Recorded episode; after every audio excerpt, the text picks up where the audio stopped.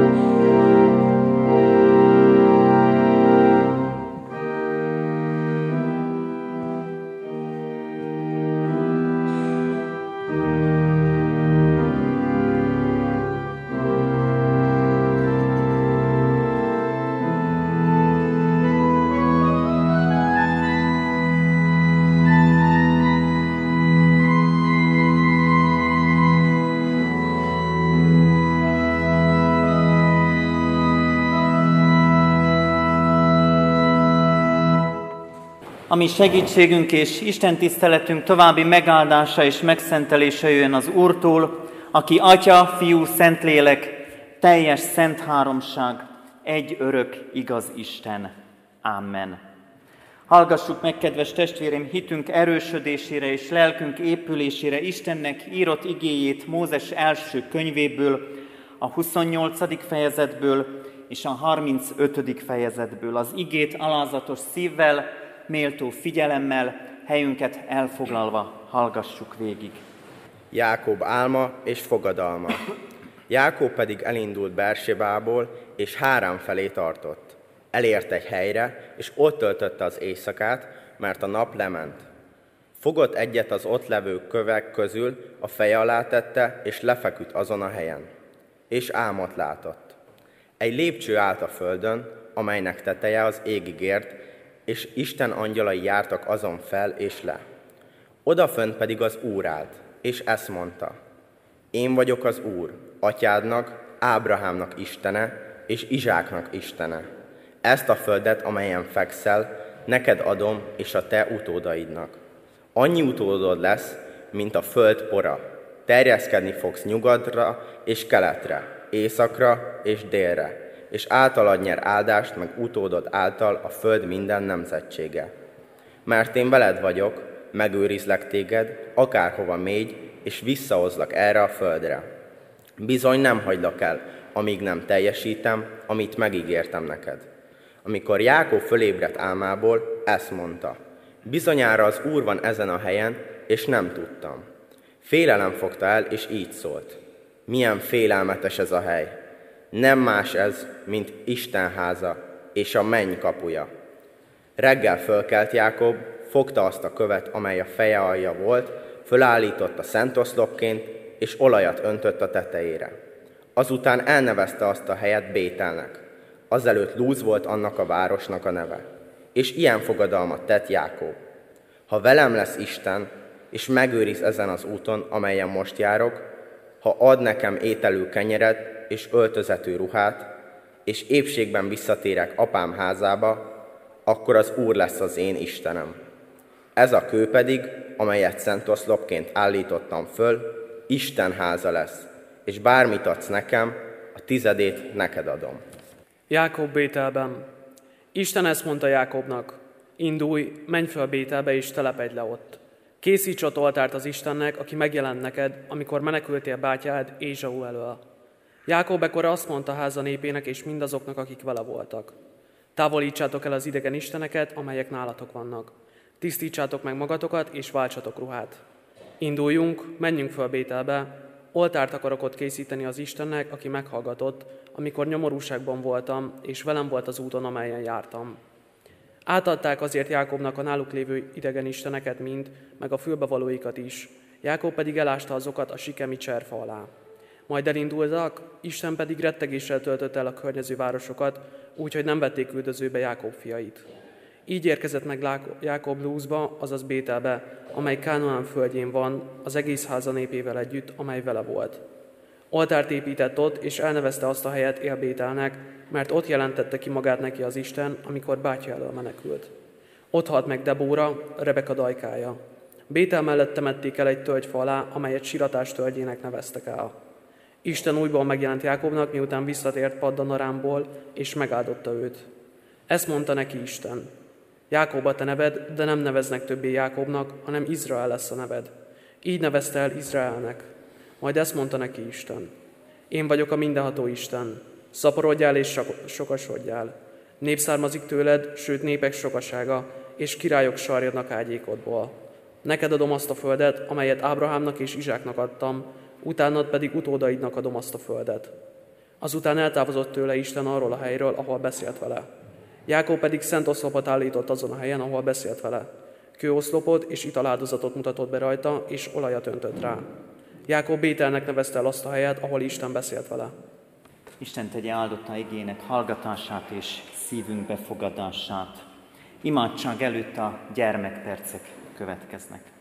Áldás békesség, eredetileg nem erről terveztem beszélni, de egy-két fotó nem érkezett meg.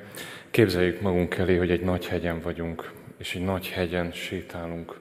képzeljük, á, megjöttek a fotók, akkor ez az, bocsánat, akkor az eredeti terv szerint megyek. A kislányomat megkértem, hogy rajzoljon le egy-két állatot, és elhoztam magammal ezt a rajzot. Ugye a gyerekek egészen másképp látják a mindennapi életet, az állatokat, egészen másképp tudják magukat kifejezni. És az jutott eszembe, hogy amikor Jézus azt mondta, hogy engedjétek hozzám jönni a gyerekeket, és ne tiltsátok el őket, akkor nyilván nem a gyerekrajzokra gondolt, hanem azokra a gyermeki hittel megélt pillanatokra, amiket Istennel tölthetünk.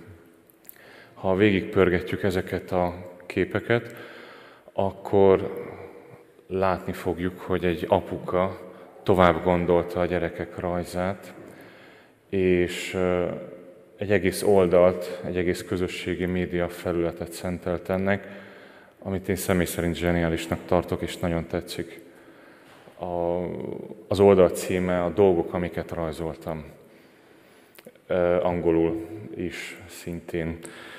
Úgyhogy akár mikor is a gyerekrajzokra nézek, tanárként, apukaként, mindig az jut benne esze, mindig az jut belőle eszembe, hogy amit én látok, az nem biztos, hogy az, amit ő lát. És lehet, hogy Isten is többet lát az én életembe, mint amit én most egyből észre tudok venni. Ő is többet lát, a gyermekem is többet lát ezekben a lovakban, nyuszikban, ő egy nyuszit rajzolt ide, meg egy lovat, és nagyon hálás vagyok ezért a rajzért. Gyerek is. Hajtsuk meg a fejünket és imádkozzunk. Urunk, mennyei atyánk, alázat találunk előtted, mert szembesítesz bennünket azzal, hogy gyengeségünkben, töredékenységünkben is mennyivel többet látsz te bennünk, szögletességünket kikerekíted, élességünket tompítod, amikor nagynak gondoljuk magunkat, akkor, leal, akkor te lealacsonyodsz hozzánk, hogy magadhoz emelj bennünket, hogy igazán nagyjan legyünk általad. Te szólítasz meg most is bennünket, Istenünk.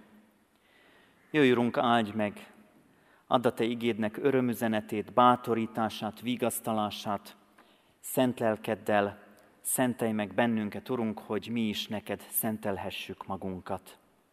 Amen.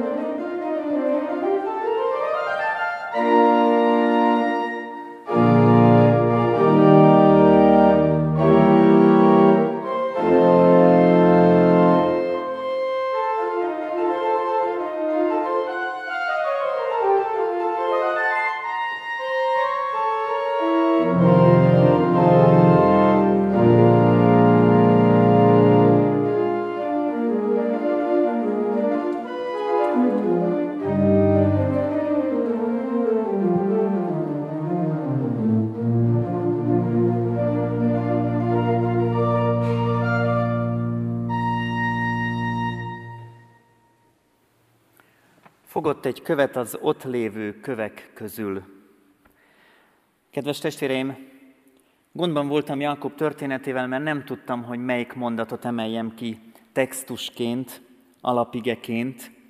Ezért egy kicsit megengedtem magamnak, hogy Szabó Magdához csatlakozzam, amikor ő megnézte a, a Pilátus, illetve a Munkácsi trilógiát, és a kutyát rajzolta le belőle, amiért aztán a Hitton tanárától nem dicséretet kapott. Engem ez a kő ragadott meg ebből a történetből. Sokat foglalkoztam vele, de nem a kőről szeretnék nektek beszélni, hanem arról szeretnék legelőször is bevezetül beszélni, hogy ki is Jákob. Már a nevének a jelentése is meghatározó, hiszen azt jelenti, hogy csaló. Születésekor kapta ezt a nevet amikor ikertestvérének Ézsaunak a sarkába kapaszkodva született meg. Úgy ítélték meg a jelenlévők, a családtagok, hogy ez csalás. Azt szoktam mondani hittanórán, amikor a nevek elemzésével foglalkozunk, hogy mintha Jákob megspórolta volna a születésbe fektetett csecsemői energiákat, és akár az édesanyja erőfeszítéseit is. Nomen est omen. Úgy mondjuk ezt, hogy a név kötelez, így fordítjuk tévesen. Szó szerint azt jelenti, hogy a név előjel, a név jósjel, nevében a sorsa, így is mondhathat, mondhatnánk, illetve a név sokszor elárulja a viselőjét. A név maga az ember, azaz a név, a nevünk beszédes gyakran talán intő és figyelmeztető jel is. Van egy Kádár vezeték nevű érettségiző diák, nem tanítom, de a Gólya tábor óta megneveztem a nevét a vezeték neve miatt. És még számtalan ilyen eset van, amikor bizonyos nevekről valakire vagy valamire asszociálunk. A név elárulja-e vajon viselője fő tulajdonságát? Tehetjük föl magunknak a kérdést. Ez a történet leleplezi előttünk azt, hogy a Szentírás nem ideális képeket ad elénk, hanem komoly emberi történeteket foglal össze néhány mondatba. Mennyire igaz ez Jákob történetének a leírásában is, hiszen Többször találkozunk azzal, hogy ügyességével, okosságával, furfangos fifikával család módon jut előnyökhöz. Ügyesen kihasználja bátyja éhségét, így veszi meg tőle az első szülöttségi jogot. Majd visszaélve apja vakságával, anyjával szövetkezve viszi végbe a bátyjával megkötött üzletet. Ha ma bejönne a lelkészi hivatalva egy lelki gondozói beszélgetésre, lenne miről mesélnie. Ha egy ilyen segítő beszélgetést elvinnék egy eset megbeszélő csoportba, hogy hogyan is érthetem meg még jobban Jákob élethelyzetét, lenne mivel dolgoznunk. Így ma arra hívlak benneteket is, kedves testvéreim, hogy hétköznapjaink útján csatlakozzunk most mi is Jákobhoz, kísérjük őt, legyünk a kísérői. Jákob menekül, nem ok nélkül.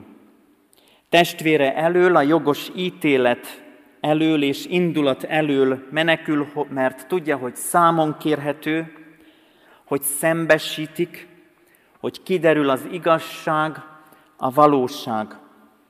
Szembe kell nézni a vágyott és a valós közötti különbséggel, a jogokkal, a lehetőségekkel, azzal, hogy mire is jogosult és mire számíthat, mire is hivatott el. Menekül önmaga elől. Valaki más szeretne lenni. Csak a másik életében rejlő lehetőségeket látja. Ahogy mondtam, nehéz élet lehet mögötte, hiszen ő is tudja, mi a neve, világ életében így szólították. Te kis csaló, gyere apához, csalókám, ülj anya ölébe, csalókám, gyere játszani, te csaló, gyere mondjuk meg a szüleinknek, te csaló, hogy mi történt. Te kis csaló, olyan eleven vagy. Mivé lesz a gyermek? Félelmetes üzenete van ennek a névadásnak, felénk is üzeni, hogy figyeljünk oda a beszédünkre, az emberi előfeltételezésekre, az előítéletekre, arra, ahogy könnyedén, akaratlagos szándék nélkül is megbélyegeznek minket, vagy mi magunk tesszük ezt másokkal. Különösen is fájó ez akkor, ha a legközelebbi hozzátartozóinkkal tesszük ezt. Bevallom testvéreim, Jákobot én családterápiára hivatnám, kérném a leginkább, ne csak ő legyen ott, az apja is, az anyja is, a testvére is, mindenki, aki ő érintett abban, aki ő Jákobként előttünk áll és menekül. Ki akarná hát közületek hogy az legyen a neve, hogy csalókám. Mit szólnál hozzá, ha téged így becéznének? Még talán az is jobb, ha vörösnek vagy szőrösnek hívnak, ahogy Ézsaut nevezik, aki mellesleg erős, minden adottsága megvan ahhoz, hogy tényleg elnyerje a nekijáró elsőszülöttség jogát, apja szeme fénye kedvence. Kedves testvérem, Jákobhoz társulva, te vajon mi elől menekülsz? Vagy mibe menekülsz? És miért? A menekülés útja sokszor ismeretlenbe vezet. A menekülést ugyanis meg lehet valamelyest tervezni. Itt is azt látjuk, hogy van úti cél, Megvan, hogy hová szeretne Jákob eljutni, de azt is látjuk, hogy a menekülés útja rögös és magányos. Jákob egyedül van. Nincs vele senki. Még talán a legnagyobb szövetségese, az édesanyja sem áll mellette, amikor kiderült a csalással megszerzett elsőszülöttség, eltiprásának, illetve megszerzésének a körülménye akkor is csak útnak indítja. Piszokul egyedül van. Tudja ő is, hogy amit tett, az csalás volt. A korábbi másik szerepébe való menekülés önbecsapás volt. Egészen odáig vezetett ez, hogy önmagával kellett végül találkoznia. Tényleg, csaló vagyok. Miközben beteljesült a vágyva vágyott dolog, enyém az első szülöttség, azzal lettem, akivé mindig is szerettem volna válni, akiről azt hittem és gondoltam, hogy ha az lehetnék, akkor lehetnék igazán én. És íme megérkezik önmagához, önmaga családságához, csaló voltához, kilátástalanul, reménytelenül azonosulva a névvel, a menekülés fáradtságos útján. Pihenjünk, hiszen besötétedett. De nincs ház, ahová bekopoghatsz, nincs barát, akit felhívj, nincs rokon, aki befogadna, nincs fedél a feje fölött. Mi több, még egy hajléktalannál is szegényebb és magányosabb ez a Jákob, aki mellé szegődtünk, mert a hajléktalan legalább már összeszedte mindazt, amire szüksége van a csillagos ég alatt, de Jákobnak még vánkosa sincs. A kő. A kőleves csodálatos története jut az eszembe. Mire a mese végére érünk, talán már a leves ízét is érezzük magunk előtt. Kiki maga elé képzelve talán a kedvenc levesét, mi mindent gyűjtene a kőhöz, a fazékba, mire megfőzi a levest. De a kőpárna pihentető álmot rejt magában. El tudod képzelni, milyen lehet egy egész éjszakán át kövön feküdni? Ha bemegyünk egy boltba, ahol párnát szeretnénk venni, biztos, hogy nem azt mondjuk, hogy kőkemény párnát szeretnék magamnak. És még a kőkemény párna alatt sem azt értjük, hogy valóban olyan szilárd, mint maga a kő. Maximum arra vágyunk, hogy tartsa jobban a fejünket, adjon kényelmes pihenést, nyugodt alvást. Menekülés útján az ismeretlenben, a magányban elárul, elárvulva és elárulva, kimerülve, kőpárna jut, ott hajthatja le a fejét. De bármennyire is kényelmetlen, Jákob elalszik és megnyílik az ég. Angyalok járnak fel alá. Hangzik a mennyei kar. A zaklatott világban, a menekülés útján, a vesztességek terhe alatt Isten csodálatos harmóniája tárul elénk. Nem, ezt nem te kezdeményezted, Jákob. Talán eszébe se jutott, hogy van Isten. Sőt, akár meg is tagadhatta, hiszen ha lenne, nem ott tartana, ahol. Hogy engedhetné Isten, hogy ez történjen vele? Hol van ebben az isteni igazságosság, a szeretet, a kegyelem? Teheti föl jogosan a kérdést. Álom az egész. Mi van ebben a kőben? Egyáltalán milyen kő ez, amin aludni lehet? Milyen kő az, amin ilyen az álom? Félelmek fogalmazódnak meg Jákobban is. Mert az Istennel való találkozás első élménye, hogy elhatalmasodnak rajtunk a félelmek. Az Istennel való találkozást ugyanis nem Jákob kezdeményezte. Nem ő az, aki kitalálta ezt a helyzetet. Nem ő az, aki elkezdte a létrát fokról fokra összerakni, a lépcsőt megépíteni. Isten a kezdeményező. Ő jelenik meg. Ő szólít meg. Ő ad ígéretet. Jákobtól tőlem függetlenül, befolyásolhatatlanul. Nem félelmetes? Pedig Jákobnak is, és neked is vannak álmaid és megrendeléseid. Neked is vannak elképzeléseid, van jövőképed, terved. Lehet, hogy csak mára, meg a jövő hétre, meg az elkövetkező egy-két évre vagy évtizedre, még ha rövid távú is az a terv, ha nem is szól másról, csak arról, hogy éljem túl ezt a menekülést, és csak érjek oda, aztán majd ott újra elkezdődik az újratervezés. Isten megjelenése, megszólítása azonban nincs az ellenőrzésem alatt. És ez félelmetes. Mi több kiderül, hogy az életem sincs az ellenőrzésem alatt. Ez az elmúlt egy évnek egyértelmű bizonyítéka.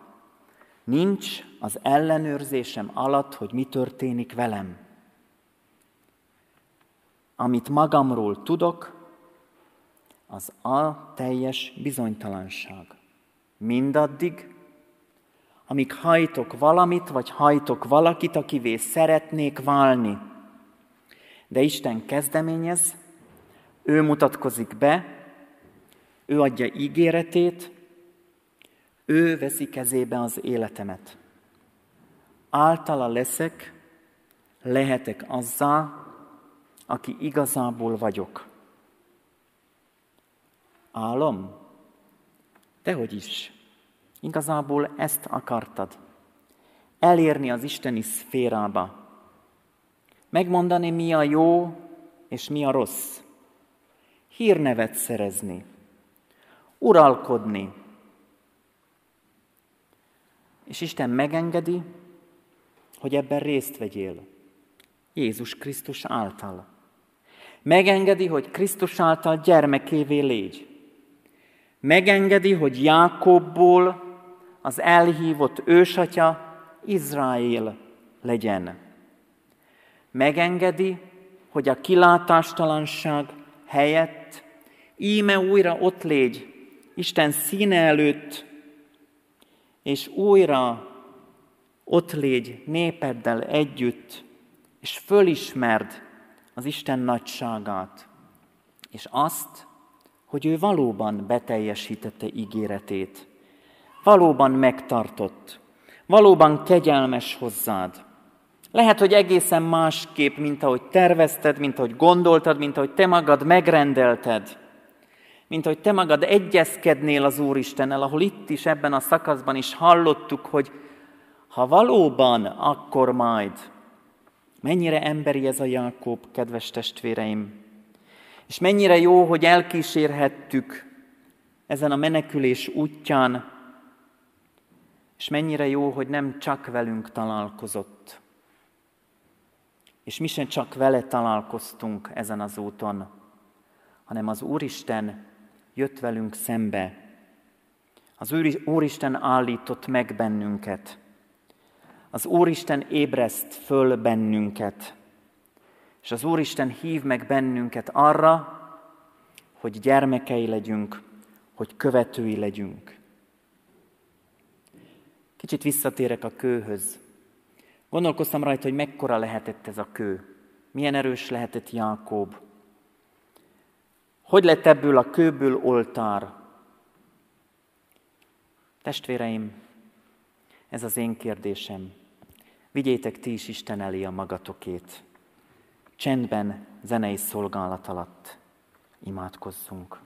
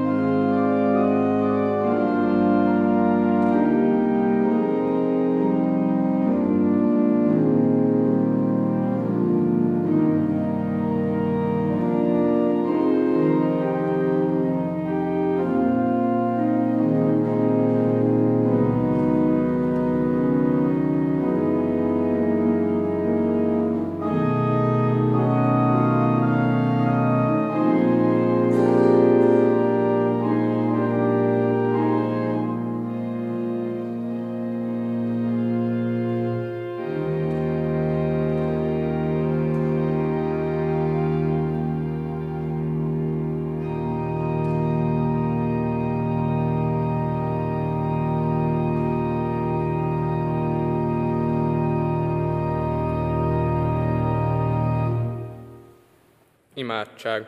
Felséges Isten, Urunk, a veled való találkozás magasságokba emel. Kitárulkozik előttünk általad a rejtett ígéreted, láthatóvá lesz országod, megélhető akaratod. Megújulásra hívsz, Urunk, arra, hogy hátat fordítsuk mindannak, ami tőled elválaszt, és odaforduljunk hozzád. Add, Urunk, hogy felismerjük nélküled, milyen mélységekben vagyunk. Jöjj, Urunk, hogy felemelj bennünket ebből a mélységekből. Add, hogy benned megtaláljunk önmagunkra is. Segíts Istenünk, hogy merjünk a magasságba tekinteni, indulni, változni, alakulni a Te szereteted által. Kegyelmet formáljon minket, írgalmad átitassa életünket, nagyságod dicsőségbe beragyogja minden napjainkat. Segíts indulni a hétköznapok kihívásaiba. Segíts, hogy helyt álljunk feladatainkban, otthon, munkánkban, iskolában, diákként és tanárként, betegágynál, gyász és veszteség idején, a nálad való teljes gyógyulás reménységével hívjunk Istenünk. Áld meg pünkösre készülésünket, jöjj el lelked ma is, hogy megszentelj. Áld meg a vizsgázni és konfirmálni készülő fiatalokat, add, hogy bizonyságtételükkel hirdessék neved. Áld meg közösségeinket, gyülekezetünket, népünket, egyházadat. Otthonainkban is légy velünk. Ámen. Egyéni csendes imádságunkat vigyünk elé Isten előtt csendes percben. Jézus Krisztus által fennállva szólítunk. Mi atyánk, aki a mennyekben vagy, szenteltessék meg a te neved, jöjjön el a te országod, legyen meg a te akaratod, amint a mennyben, úgy a földön is. Minden napi kenyerünket add meg nékünk ma, és bocsáss meg védkeinket, miképpen mi is megbocsájtunk az ellenünk védkezőknek és ne védj minket kísértésbe, de szabadíts meg a gonosztól, mert tiéd az ország, a hatalom és a dicsőség, mindörökké. Ámen. Foglaljunk helyet, kedves testvéreim, és hallgassuk meg a hirdetéseket. Hirdetem a gyülekezetnek, hogy az elkövetkező héten pünköst hetében minden este 6 órától Isten tiszteletre kerül sor itt a templomban, a pünkösdre készítő, felkészülő igehirdetési sorozatban a minden egyes Isten, tisztelet, Isten tiszteleti alkalommal konfirmáló, illetve hitamvizsgát tévő fiatalok bizonyság tételére kerül sor. Kérjük azokat, akik ezeken az alkalmakon részt vesznek, hogy a járványügyi előírásokat tartsák be. Jövő héten vasárnap, pünkösd vasárnapján urvacsorás istentiszteletre hívjuk a testvéreket 9 órakor, illetve 11 órakor és este 6 órakor. A pünkösd vasárnapi 11 órás istentiszteleten a városi hittanosok konfirmációi istentisztelete lesz. Ugyanezen a vasárnapon délután három órakor is tartunk istentiszteletet, erre is várjuk szeretettel a gyülekezet tagjait, ekkor kerül sor a gimnáziumban konfirmációi vizsgára készült fiatalok fogadalomtételére. Pünköst hétfőn ugyanígy 9 órától van istentisztelet, 11 órától az általános iskolában konfirmációra készülő fiatalok bizonyságtételére kerül sor. Délután 5 órakor is tartunk istentiszteletet, illetve este 6 órai kezdettel szintén. Az, ezeket az alkalmakat interneten közvetítjük. Az elmúlt héten búcsúztunk Dormán Gergelyné Szalka Julianna 92 éves, Berényi Sándor 78 éves, Tóth Istvánné Gál Terézia 84 éves testvérünktől. Hallottainkat is hirdettem, Zubor Béla 82 éves, korábban hunyt el. Május 17-én hétfőn 2 órától van a temetése a köztemetőben. Marosi Sára Terézia 87 éves korában tért meg teremtőnkhöz. Május 18-án kedden 9 óra 45 perckor van a temetése a köztemetőben. Életének 90. évében magához szólította teremtő Istenünk dr. Pungur József nyugalmazott református lelkipásztort, Kanadában, aki 1956-tól 59-ig segédlelkész volt itt Kecskeméten. Búcsúztatják az Edmontoni református templomban, majd a Dunabogdányi református temető családi sírjában helyezik el gyászint istentisztelet keretében. Az elmúlt héten keresztelői alkalommal a keresztség sákramentumában részesült Dunst Ábel és Dunst Adél. Házasulandó jegyeseket is hirdetek, másodszor hirdetjük Harsányi Erik jegyezte dr. Bokros Fannit, Balog István Balázs jegyezte Geró Esztellát, illetve Dunai Roland jegyezte Konc Adrient. Harmadszor hirdetjük Molnár Máté jegyezte Rőfi Renátát. Az adományok lehetőségére is fölhívom a figyelmet. Az elmúlt héten beérkezett adományokat részletesen a, a hirdetőlapon, a Kecskeméti Református Egyházközség honlapján tudjuk megtekinteni. Május 24-én Pünköst hétfőn a Széchenyi Városi Gyülekezetrész szervezésében családi napra kerül sor a Benkózoldan szabadidő, szabadidő központnál, a Domnál 10 órai kezdettel. Erre hívjuk és várjuk mindazokat, akik ezen az alkalmon szeretnének részt venni.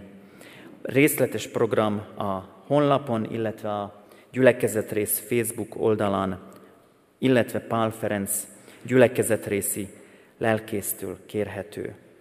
Fölhívom a figyelmet a gyülekezeti újságra, a nyári táborok lehetőségére, arra, hogy könyvtárunk és levéltárunk újra nyitva áll a kintről beérkezők előtt, illetve az egyházközségi pénztár is már megnyitott, így lehetőségünk van személyesen is befizetni adományainkat. Záróénekünk következik a 199. dicséret, ezt követően fennállva fogadjuk Isten áldását. thank you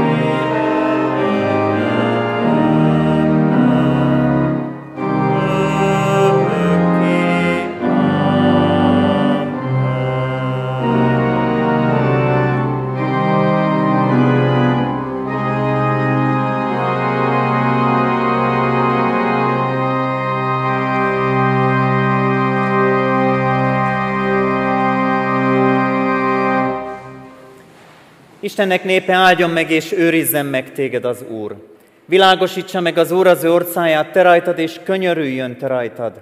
Fordítsa az Úr az ő orcáját te reád, és adjon békességet néked.